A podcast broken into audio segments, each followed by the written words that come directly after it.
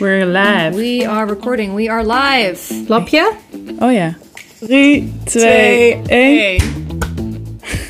Fail. Zo, zo slecht. Alsof je een high five doet en steeds mist. Kunnen we dit nog één keer proberen? Ja. 3, 2, Twee. 1. Één. Oké. Hallo en welkom. Ja. Hoe is het met jou? Goed. Ja. Niks te klagen. Met jou? Eh, ik weet niet of ik die vraag kan beantwoorden op dit moment. Medium? Medium is een goed antwoord. Gewoon medium. Toen ik eh, nog heel klein was, ging mijn moeder aan het eind van de dag altijd vragen hoe de dag was. En dan kon je aan de hand van koud, medium of warm, ging, dan, ging dan vertellen aan haar hoe de dag was geweest. Wat zeg maar het minst favoriet was, was koud. en dan mijn favoriete ding was warm. Dus medium. Nou, officieel is medium een antwoord. ja, ik Voor vind, mij het een, eh, ook. ik, vind, ik vind het een eh, acceptabel antwoord. Gingen we elkaar nog vragen hoe het, hoe, eh, hoe het weekend was? Ik was vrij dit weekend. Ja, lekker. Dat was heel fijn. En jij volgens mij ook. Ja. ja, ik heb lekker een fietstochtje gemaakt. Oh, wat heerlijk. Ja, echt eh, drie of vier uur op de fiets gezeten. Ik weet niet hoe. Gewoon doorfietsen, dat is hoe. Ja, wel heen en Gewoon weer. niet, gewoon niet stoppen, gewoon doorgaan. Chill. Dus je hebt niet urenlang je benen zitten ontharen. Nee, de uren die ik daar normaal gesproken aan zou hebben gespendeerd, zat ik op de fiets. Dus dat ging niet. Ik noem dat een, ik noem dat een win. Ik noem dat meer dan een medium weekend. Hé, hey, maar jij was eh, beter dan ik, want je zei al welkom aan andere mensen dan wij zelf. Ja, Welkom terug bij de podcast Kunnen we zonder. En we gaan het weer hebben over alle dingen waarvan wij denken dat we zonder zouden kunnen, die ons leven hopelijk een beetje makkelijker en wat leuker zouden kunnen maken. En ik ben Loeke, nog steeds, journalist en documentairemaker. En ik ben hier online met Mari. ja wij kennen elkaar uh, uit Los Angeles. En uh, ik ben daar nog steeds. En Luca is nu in Nederland. Maar gelukkig, dankzij de technologie, kunnen we alsnog gewoon een podcast maken. Thank you, technology. Yes. En uh, in dit um, project praten we elke week over dingen waar we minder van nodig hebben in een samenleving die ons altijd aanspoort om meer te willen, moeten en doen. Uh, kunnen we bijvoorbeeld zonder perfectionisme, diëten, werken op kantoor enzovoorts. Ja, dat perfectionisme, daar weten wij denk ik allebei het antwoord wel op. Maar uh, vandaag stellen we die vraag nog eventjes over ontharen. En daarvoor duiken we in een aantal sprekende voorbeelden. Uh, praten we over hoe het misschien al zonder zou kunnen met Kim van het Instagram-account Cute Harry Bitches. En horen we deze keer in het terugkerend filosofisch minuutje van kleinkunstenaar en activist Tijn. Chill. En dan de hamvraag, waarom gaan we het hier überhaupt over hebben? Ja, dat is gewoon de aanleiding eigenlijk voor onder andere deze podcast geweest. Want uh, het idee voor deze podcast ontstond natuurlijk in de lockdown. En dan heb je ineens tijd om stil te staan bij dingen die je normaal gesproken op de automatische piloot deed. En dat was ontharen. Uh, ik merkte namelijk in die quarantaine dat ik mijn ontharingsroutine eigenlijk helemaal losliet. Uh, ik deed het sowieso één keer per week en dan af en toe tussendoor nog, weet je wel wat, gewoon hier en daar wat epileren. En dat ging bewust en onbewust, want um, ik ging toen samenwonen. Dus ik had opeens minder tijd voor mezelf of minder momentjes voor mezelf. Dus dat was natuurlijk zo'n soort onbewust moment dat ik dat ook dan liet gaan. Uh, dat ik, nou, liet gaan vind ik eigenlijk helemaal niet goed klinken. Want liet gaan is alsof het iets slecht is of dat het heel vies werd daarna of zo. Maar dat is natuurlijk helemaal niet. Het was gewoon, ja, het was gewoon niet meer prioriteit of zo. En um, dus je gaat dan liever samen iets doen of samen iets kijken of samen iets lezen in plaats van dat je jezelf opsluit in de badkamer om zoiets geks eigenlijk te doen. En daar kwam ik toen pas achter dat ik dat eigenlijk gek vond. Uiteindelijk besloot ik bewust mijn wenkbrauwen niet meer te doen.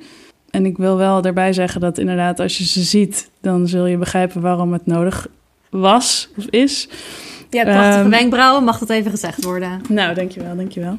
En, uh, maar ja, ik hield ze wel bij. En ik hield ze echt best wel vaak bij. En omdat ik dus realiseerde dat het gek was hoeveel tijd ik daar eigenlijk überhaupt in het algemeen aan besteedde. Aan ontharing gewoon van plekken op je lijf. Um, voelde het ook ineens heel raar om dan wel aandacht te besteden aan mijn wenkbrauwen. Dat ik dacht, als ik, als ik voor de rest geen tijd neem, waarom sta ik hier dan dit ene haartje? Wat haal ik dat weg? Wat is dat voor onzin? En toen viel het me dus ook pas op hoeveel tijd het kostte. Want ik keek er wel dagelijks naar. En dan plukte ik inderdaad hier en daar een haartje weg. En dan de volgende dag keek ik toch weer. Omdat het was ook een soort satisfying natuurlijk. Om precies dan in het juiste licht met de juiste pincet. En uh, al, die, al die rare dingen waar je dan mee bezighoudt. Om dat uh, dan te doen. Uh, en toen ik dus wel andere dingen aan mijn hoofd had. En ik dat soort dingen dus losliet. Toen dacht ik ineens... Hmm, Misschien moet ik hier eens even over nadenken of ik dit niet anders kan doen. Ja, ik vind het heel grappig wat je zegt over het juiste licht. Want dat herinner ik me dus ook heel goed. Dat je misschien bij iemand anders thuis was en bij hun in de studio ja. kijkt.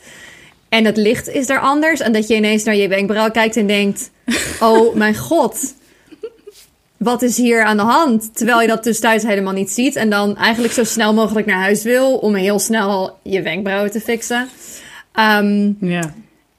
Ik moet eerlijk zeggen dat ik al een tijd mijn wenkbrauwen niet meer epileer. De um, gewoonte, of het loslaten van de gewoonte om uh, heel veel aan haarverwijdering te doen, begon bij mij eigenlijk al voor de quarantaine. Uh, ik had altijd heel veel last van jeuk na het scheren en af en toe ook hele vervelende ingegroeide haren. En op een gegeven moment, ik weet niet, ik denk dat het een paar jaar geleden was, dacht ik, waarom doe ik dit eigenlijk?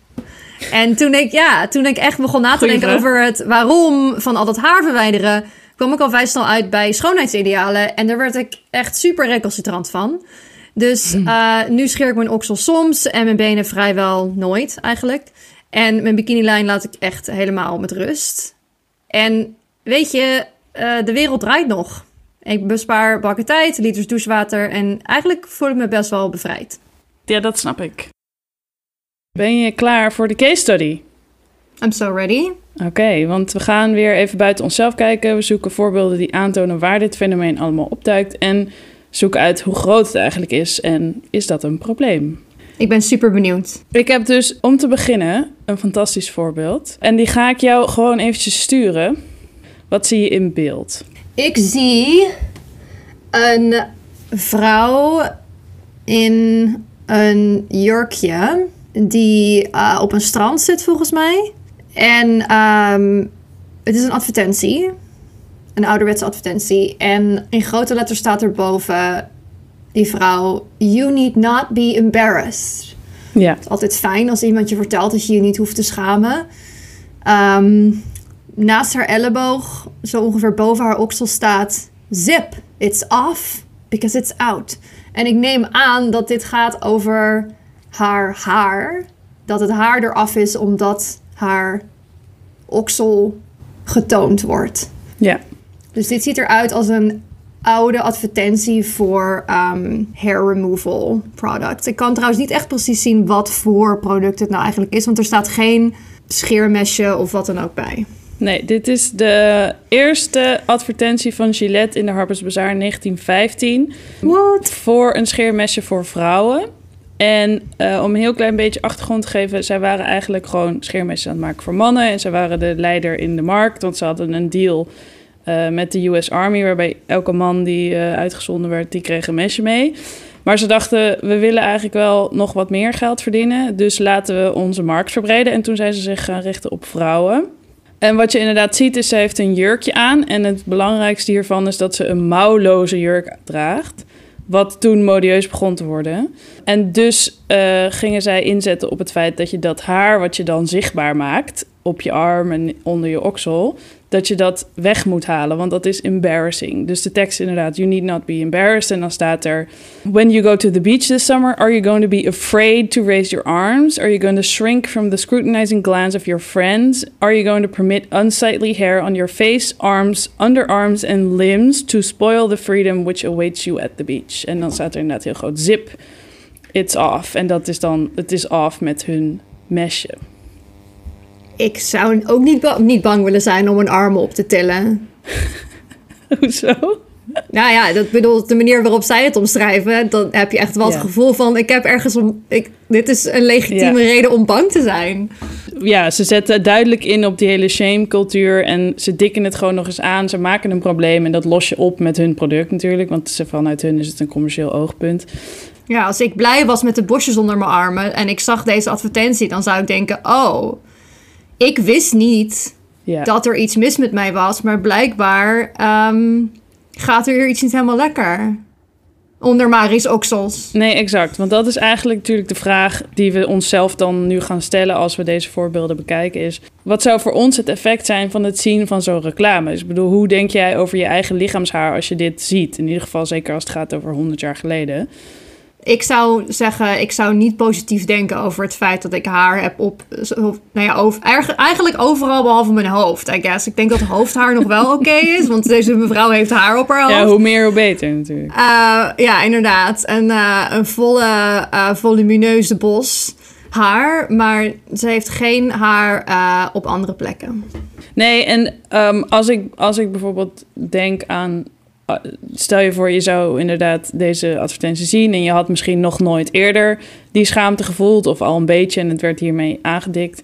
Dan ja, kan ik me wel heel goed voorstellen, want dat is natuurlijk gewoon de boodschap vanuit de markt al sindsdien geweest. Van dit haar is vies, dit moet je niet hebben, dat is lelijk, het is niet vrouwelijk. Eh, het moet weg. En dat, ja, ik weet dat het effect daarvan op mij is geweest. Dat ik gewoon vroeger al bij de eerste haar die zich aandiende dacht... nee, dit moet weg, dit mag er niet zijn. En anders ging je niet naar het strand. Nee, ik, heb heel veel, ik ben heel vaak niet naar het strand of naar een zwembad... of naar een uitje geweest waarbij je in bikini moest of in korte kleren... omdat ik dan dacht, oh, ik heb vandaag mijn benen niet geschoren. Of ja, of, ja, of van die rare, nietsvermoedende momenten... waarbij mensen over andere opmerkingen maken. Ik weet nog wel dat op de middelbare school was er iemand... die had zo'n netpanty aan, want die waren toen cool, zeg maar, met van die gaten. Oh, je hoeft mij niet uit te leggen wat een netpanty is. Ja, wie, wie weet. Ja. Mag jij netpanty worden. Former goth here. Uh, Oké. Nou ja, goed. dus een netpanties all the way. Dus dat is wel echt wat anders dan een panty natuurlijk. Want daar zit gewoon, zie je gewoon je been doorheen. En er was iemand die had dat aan en daar kwamen haar beenharen doorheen die ze niet had geschoren. Which is fine. Maar toen waren er dus andere mensen die daarover gingen zeggen van... "Eh, heb je dat gezien? Echt vies, haar er doorheen, eh, bal. eh." En dan denk je bij jezelf van... Oeh, ik moet dus echt nooit zoiets doen... Want dan krijg ik dezezelfde reactie... of hebben mensen diezelfde gesprekken achter mijn rug om over mij. En dat is natuurlijk wel wat deze advertentie ook wel een beetje aandikt. Want, het, want zij hebben het ook over je vrienden. Zo van, are you going to shrink from the scrutinizing glance of your friends? Zo van, oh, als jij je arm uit je jas haalt en er is haar te zien... dan gaan je vrienden echt zeggen, bah. Ik wil hier nog maar even mijn vuist in de lucht heffen en zeggen: find other friends. ja. Who are these friends who are giving you scrutinizing glares? And could you maybe find other friends? Please. Ja. Nou ja, ehm, ik ga maar gewoon door met het volgende voorbeeld. Ehm, en dan ga ik je ook even wat sturen. Want eh, ik heb geen link, maar ik heb wel, toen ik het zag, voor de tweede of derde keer heb ik er een video van gemaakt. En je hebt hem al wel eens gezien. Ik heb hem je toen meteen gestuurd, omdat ik echt dacht, wat de hel. Is het de Viet-reclame? Het is de Viet-reclame. En Oh. eh, het is heel kort en het gaat heel snel, dus neem vooral je tijd. Oké, wat ik zie. Ik zie ehm oksels, bikinilijn en gezicht. Zowel in beeld met letters, dus het woord bikinilijn en iemands bikinilijn. Ehm, van allemaal eh, witte vrouwen overigens. Dunne witte vrouwen. Ach, en hier is mijn favoriete deel van deze advertentie. Jouw lichaam, jouw keuze, onze producten. Ja. Dus Ja. zolang je maar onze producten gebruikt, is het jouw keuze. Terwijl ik denk, is mijn keuze ook legitiem als ik nooit jouw producten wil gebruiken? Vraag 2. Weet Viet dat your body, your choice in de Verenigde Staten een, nou ja, baas in eigen buik slogan is? Die hier wordt gebruikt om het recht op abortus te bevechten dan wel veilig te stellen. Dus om jouw lichaam, jouw keuze te gebruiken voor iets als dit, voelt voor mij heel erg tone deaf. Ja, to say the least. Ik heb twee redenen waarom ik dit fragment heb gekozen en als voorbeeld in deze case study heb eh, geplaatst. Eh, omdat ik inderdaad ehm, echt, ik schrok enorm van die slogan. Uh, dat ik echt dacht, are you kidding me? Is this for real? En het andere is dat ik het voorbeeld heb gekozen omdat ik denk dat het ook aantoont, los van de slogan, hoe gewoon het is dat je gewoon daytime television, want dit was gewoon overdag, zo'n reclame voorbij ziet komen met vrij jonge mensen er ook in. Dat er ook gewoon jonge mensen zitten te kijken en dat dit gewoon heel normaal is. Uh, om voorbij te zien komen van, oh ja, tuurlijk uh, halen jullie allemaal dat haar weg. En tuurlijk moet dat met waxstrips. En tuurlijk uh, is daar onderzoek naar gedaan. En natuurlijk, weet je wel, alles is gewoon zo, eh, tuurlijk, dit hoort er allemaal bij. Ja, het is een, een. Het toont wel aan hoe genormaliseerd die anti-haarcultuur is. En ook hoe. Yeah. Ja, het valt me toch ook op hoe het wordt aangeprezen hoor. Echt. Want als, als, je laat, als, je, als dit het ideaal is, dan is het ideaal dus om een jonge, witte, dunne vrouw te zijn. Yeah. Die haarloos is. Da dat koop je eigenlijk met dit Yeah. product. Ja, en eh, ik denk wel dat ze weten wat jouw lichaam, jouw keuze betekent. Of ze nou weten dat de Engelse variant is your body, your choice, of dat het gewoon een afgeleide is van iets anders. Maar dat is natuurlijk een empowering statement. En dan zetten ze dat hier neer alsof kiezen voor dit product, dat dat je gaat empoweren, terwijl ze je eigenlijk vragen om je te conformeren naar die beauty standaard die jij net beschrijft. Ja. Uh, die ook al blijkbaar, als je kijkt naar de vorige uh, case, dan, uh, meer dan al meer dan 100 jaar oud is. Langer nog, maar ik bedoel dat even terzijde. Ja, dus eigenlijk in meer dan 100 jaar tijd heb je de eerste advertentie en een advertentie van, nou ja, een paar weken geleden. En de toon is misschien wat positiever. Er, is een, er, zit een keuze, er zit een soort van fake keuzecomponent ingebouwd. Maar de keuze is eigenlijk niet Maar een wel keuze. onze producten. Ja, en ik denk niet dat ze daadwerkelijk dachten van... oh, we're co-opting um, een uh, baas in eigen buik-achtige slogan hier. Nee, maar ze weten wel dat dit aanhaakt op Ja. de women empowerment. Nou, sowieso. Terwijl je verkoopt een product wat in principe niet is ontstaan uit empowerment, ook niet gaat over empowerment, wat mensen vooral zelf moeten bepalen, uh, maar wat hier je inderdaad gewoon wordt opgelegd. Dan heb ik nog één voorbeeld. En dat is van iemand die ik al een tijdje op Instagram volg. Uh, en dat is Shira Ravindran. En uh, zij woont in de UK. Ja, zij post vooral foto's op haar Instagram van zichzelf, waarop ze haar lichaamshaar trots toont. En uh, zij was ook meest recentelijk te zien in The Black is King van Beyoncé op Disney Plus. En zij deed deze zomer een interview met Cosmopolitan India over het opgroeien in de UK als dark-skinned Tamil woman en de beauty standaard waarmee zij is opgegroeid. En zij zegt uh, zij, in dat interview, dat, uh, dat is gepost, is haar stukje, daar zegt ze van... ik groeide op met het idee dat witte of lichtgekleurde, dunne, haarloze vrouwen... gelijk stonden aan schoonheid en dat we allemaal moesten proberen zo te zijn. Lichaamshaar was vies uh, en onvrouwelijk en dat werd me door mannen en vrouwen verteld over haar eigen lichaam. En ze heeft ze is heel erg bezig geweest met... ik moet mijn geest decoloniseren... want als vrouw van kleur weet ik dat mijn lichaam racialized wordt. Uh, maar ze zetten er ook nog een verduidelijkende caption bij... en die ga ik jou eventjes sturen.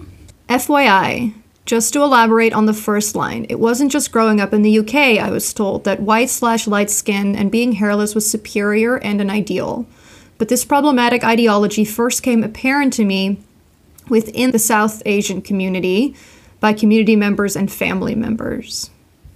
Ja, um, en dat, was, dat leek mij gewoon een belangrijke toevoeging, omdat ze daarmee nog maar eens benadrukt uh, hoe hardnekkig dat stereotype is en die beauty standard. En de reden dat ik dit als derde voorbeeld heb gekozen, um, is omdat we eerder in, de, in het verdiepen in dit onderwerp uh, er ook achter kwamen dat. Um, haarloos zijn al sinds het begin der tijden dat mensen dit doen. Ook een manier is geweest om je te onderscheiden als klasse. En later ook uh, voor witte vrouwen en witte Europese kolonisten om zich te onderscheiden van de ander. En specifiek zwarte en bruine mensen. En dat is waar men en zij in dit geval specifiek ook nog steeds uh, erger mee te maken heeft. En het leek me goed om dat ook even aan te kaarten in een voorbeeld.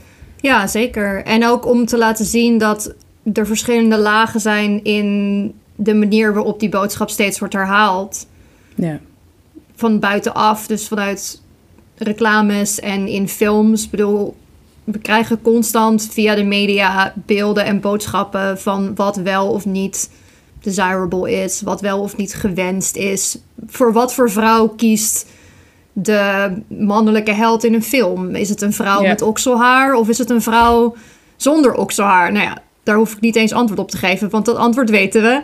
En dat het een soort van doorcijpelt, of misschien juist voortkomt uit de manier waarop we opgroeien en wat we dus vanuit onze opvoeding meekrijgen. Ik weet bijvoorbeeld niet meer wanneer ik ooit ben begonnen met het epileren van mijn wenkbrauwen. Maar het is me in ieder geval niet ontmoedigd. Snap je? Nee. Om maar even een voorbeeld te geven. Ik denk dat het wel goed is om, om te zeggen dat ontharen aan zich helemaal niet slecht is of niet meer mag of moet. Dat iedereen al zijn haar moet laten staan. Dat moet iedereen helemaal zelf weten. Eh, maar wij hebben het echt over die druk om haarloos te zijn en die schaamte die er dus opgezet wordt en die druk van dat ideaal om daarbij te horen en om dat eh, te belichamen. Die denk ik losstaat van ieder zijn eigen keuze, want die staat inderdaad al vast op het moment dat je of geboren bent of op het moment dat je opgroeit. Eh, omdat het je wordt opgelegd als een standaard of een norm of een idee van wat mooi of vrouwelijk is. Maar als je weet, als je meer weet over wat er aan ten grondslag ligt en ook weet hoe dat soort boodschappen eigenlijk constant vanaf alle kanten op je afkomen, is het misschien makkelijker om, nou ja, daadwerkelijk een eigen keuze te maken. Niet het soort keuze waarvan Viet wil dat je het maakt. Maar, Nee. want Viet wil natuurlijk dat jouw keuze uiteindelijk naar hè, het eh drogisterij ehm, rek leidt waar die producten staan. Maar dat je je eigen keuze maakt of die nou naar dat drogisterijrek leidt of er vandaan. Ja, en in het geval van Shira, zij doet dat natuurlijk zelf ook al anders dan wat haar is opgedrongen. Dat zegt ze in het interview ook, van your beauty is your own. You don't owe it to anyone, only to yourself. En je ziet dat heel veel mensen in onderdrukte posities steeds vaker hun eigen platform pakken. In dit geval Instagram. En foto's van zichzelf maken en posten op een mooie en editorial manier. Om, om te forceren dat mensen zien van dit is ook mooi. En dat doet zij ook op haar pagina. Ja, ik vind, eh, en dat gaan we ook nog wel even op Instagram delen, maar ik vind Alok daar ook echt een super mooi voorbeeld van. Alok is non-binary en deelt heel veel foto's van hun mode en haar en de manier waarop ze ook omgaan met negatieve reacties. En hoe je relatie met je eigen uiterlijk ook bepaalt hoe je je uitdrukt. En hoe je dan vervolgens je leven leidt naar aanleiding van die input. Ik eh, denk dat dat een mooi bruggetje is naar ons interview. Dus het is tijd om even te peilen hoe het leven is als je hebt ontdekt dat je ook echt al zonder kan. En dat doen we nu in gesprek met de Zuid-Afrikaanse illustrator Kim. Ze woont in Amsterdam met haar partner Stefan en runt het populaire account at Millie's Weird Illustrations, waarop ze haar werk toont en de weirdness of human bodies viert. Deze zomer ontdekten we haar tweede Instagram-account, Cute Harry Bitches. Eh, en dat werd geboren toen Kim op haar Illustrator-account haar persoonlijke journey met het minderen van ontharen begon te delen. Ze kreeg zoveel reacties dat ze besloot een aparte handle te maken waar ze met toestemming ook Harry-foto's eh, en ervaringen van vrienden en bekenden begon te delen. we have this little community here and everyone's supporting each other and a lot of people are saying that it's really helping them i even got messages from young girls in high school like 13 years old 14 years old saying that they feel inspired to grow out their hair and like having the support from the, these people in the group um, makes them feel okay and sort of ready to you know to deal with the comments from their friends what is exactly so liberating about posting pictures of body hair? Like, what do you remember feeling? it does feel empowering to have for example to be in a situation like in a physio appointment when physio is looking at your like dealing with your knee and you're you've got like a massive bush on your leg and you know that many women who had even a bit of hair showing would apologize for it and and be ashamed of it and to feel like yeah sorry i i actually don't give a fuck. Like this guy need like women grow hair as well. Like that's normal you know? And to just know that this is the truth and it does make me feel good yeah because it's right i mean that right like that that's the truth yeah So, should should we all spend less time hair removing?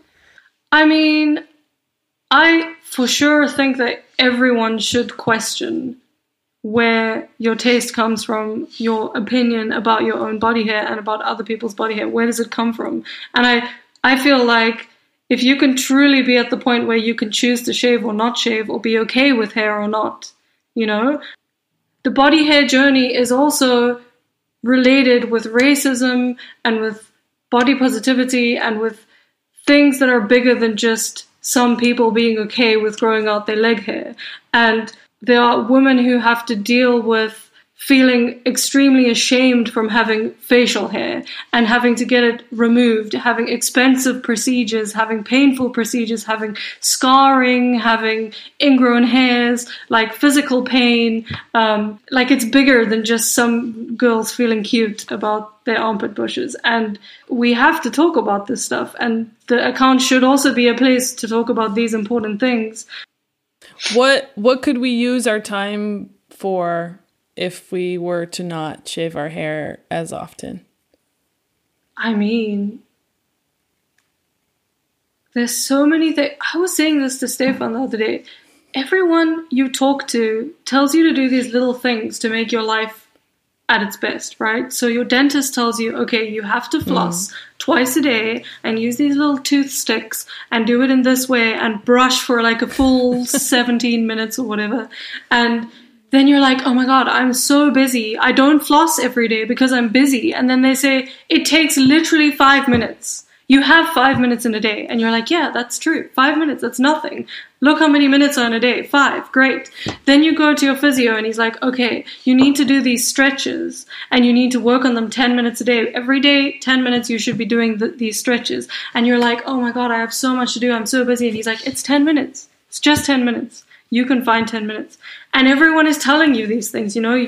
And then when it comes down to it, we only have a certain amount of energy, right? And the day and we every day I feel like I'm in the space of choosing, okay, what am I prioritizing today? Is it going to be my work? Is it going to be cooking healthy food and making sure I, I have food prepared? Am I going to do the flossing? Am I going to like actually wash my face before I go to bed? Am I going to do all of this? I can't imagine doing all of this in a day every day. Like there's so much to do. So not shaving is just that is more time for all of these other things. Harry Bitches is still ongoing, gelukkig. Maar vertelde Kimmels ook, het account heeft een tijdje stilgelegen. Het moet namelijk, vindt zij, een safe space voor iedereen zijn, ongeacht hmm. huidskleur, lichaamstype of haargroei. Maar omdat de foto's die ze in het begin toegestuurd kreeg vrij homogeen en wit waren, met haar op conventionele plekken, realiseerde Kim zich dat ze er nog niet was. Wat ook niet hielp, als ze wel diverse content postte, werd ze door Instagram tegengewerkt. Het platform verwijderde bijvoorbeeld zonder te vragen foto's van dikke mensen, omdat er zogenaamd te veel huid op te zien was. Het leek er even op dat Instagram dingen ging verbeteren. De app ging bijvoorbeeld met creators van kleur in gesprek over discriminatie en zei dat de regels rondom het tonen van huid nader zouden worden bekeken. Maar eind 2020 kwam de app met nieuwe regels die volgens Instagram zijn bedoeld om onder meer mensenhandel te ontmoedigen. En daaronder valt dus ook onder meer het tonen van huid. En dat perkt de vrijheid van Kim en accounts als Cute Harry Bitches weer in. Kortom, het laatste woord is er helaas nog niet over gezegd. Uh, en ondertussen is Kim ook weer aan het delen op @cuteharrybitches. Dus hopelijk komt er snel meer content. Woe! Yeah! En een van de belangrijke dingen waar wij trouwens ook aan herinnerd werden tijdens ons gesprek, um, is dat je als je jezelf ergens visueel aan blootstelt, dat heel veel invloed heeft op hoe normaal of abnormaal je iets vindt. Uh, mm. Dus we hebben een lijstje gemaakt van fijne, mooie en leerzame accounts die we zelf al een tijdje volgen over dit onderwerp. Uh, check ze op onze Instagram, kunnen we zonder. En in de show notes. En in de show notes, always. Huppa. Alright. Dan is het tijd voor het filosofisch minuutje, waarin een artiest of creatieve gast invulling geeft aan de utopie van een wereld zonder ontharen. Deze keer vroegen we Tijn, activist en theatermaker, vanwege zijn Instagram-account Tijn blijft zacht en de foto's van zijn transitie. Ik ben geboren als meisje en gesocialiseerd als vrouw. En ik weet hoe de maatschappij vindt dat haar lichaam hoort te zijn. Overal hoort ze dezelfde boodschap, subtiel of direct. Haar op haar benen, liezen of tenen, op haar armen, handen of vingers, in haar oksels of op haar gezicht, is walgelijk, smerig en onverzorgd. Onhygiënisch en ronduit onaantrekkelijk. Dus zou zij moeten scheren, waksen, epileren, harsen, laseren of ontharen met een crème. Nu ik man ben, wat dat ook mag betekenen, hou ik ineens juist enorm van mijn haar. Van elke haar afzonderlijk en van alle bij elkaar. Ik houd van mijn baard en van mijn snor nog het meest, maar ook van de haren op mijn benen, mijn enkels en tenen. Van de haren op mijn armen, steeds dikker en voller. Van de haren op mijn billen en de haren op mijn borst. Van de haren op mijn handen, mijn vingers en rug. Het is gek om te merken dat haar bij de man wordt gevierd en bij de vrouw wordt bestraft. Want vrouw zijn en haar, dat gaat blijkbaar niet samen. Mijn haar is niet ineens veranderd, behalve dat het meer is en dat ik me niet meer scheer. Maar waarom doen we haar dat geweld aan? Hoe vrij ik me nu voel met houden van mijn haren, dat gun ik dat meisje dat ik was ook. En ik zou willen dat alle meisjes en vrouwen vanaf nu hun haar mogen vieren zoals mannen dat doen. Want man of vrouw zijn is veel meer dan haar. Heel erg bedankt, Tijn. Je kan Tijn vinden op Instagram, Tijn blijft zacht. En ik heb nu al zin om nooit meer te hoeven ontharen. En uh, jullie hopelijk ook. Dus voor iedereen die dit gevoel deelt, of die misschien eerst alleen de tenen in het water wil steken of de tenen behaard wil laten, hebben wij een voorstel. Ja, want uh, nou ja, behalve dat we natuurlijk uh, net als dat wij hebben gedaan, willen kijken of andere mensen zich ook kunnen gaan afvragen als ze zich gaan ontharen: voor wie doe je dit eigenlijk? En de belangrijkste vraag is eigenlijk: als iedereen lichaamshaar zou hebben, dus als het normaal was en als er niet overal artikelen stonden over hoe het weg moest, zou je dan nog steeds uren per week besteden en honderden euro's per maand uitgeven aan die ontharing? Ja. Ja, dus we hangen daar een challenge aan. Uh, probeer een week niet te ontharen en besteed al die minuten of uren, hoeveel dat er ook mogen zijn, aan iets waar je je goed door voelt. Uh, en vraag jezelf dan eens af, hoe voel je je? En deel Kunnen we zonder at gmail. ons. Ja, laat ons weten hoe het ging. Je kan ons mailen of een voicebericht sturen naar kunnen we zonder at gmail.com. En wij zullen ook op Instagram plaatsen hoe wij ons hebben gevoeld en wat wij dan precies hebben gelaten of gedaan. Inderdaad. Volgende week hebben we het over virgin shaming. Wil je graag een melding krijgen als die aflevering klaar staat? Abonneer je dan via Apple Podcasts, Spotify, Stitcher of een andere manier waarop wij nu je oren inblazen.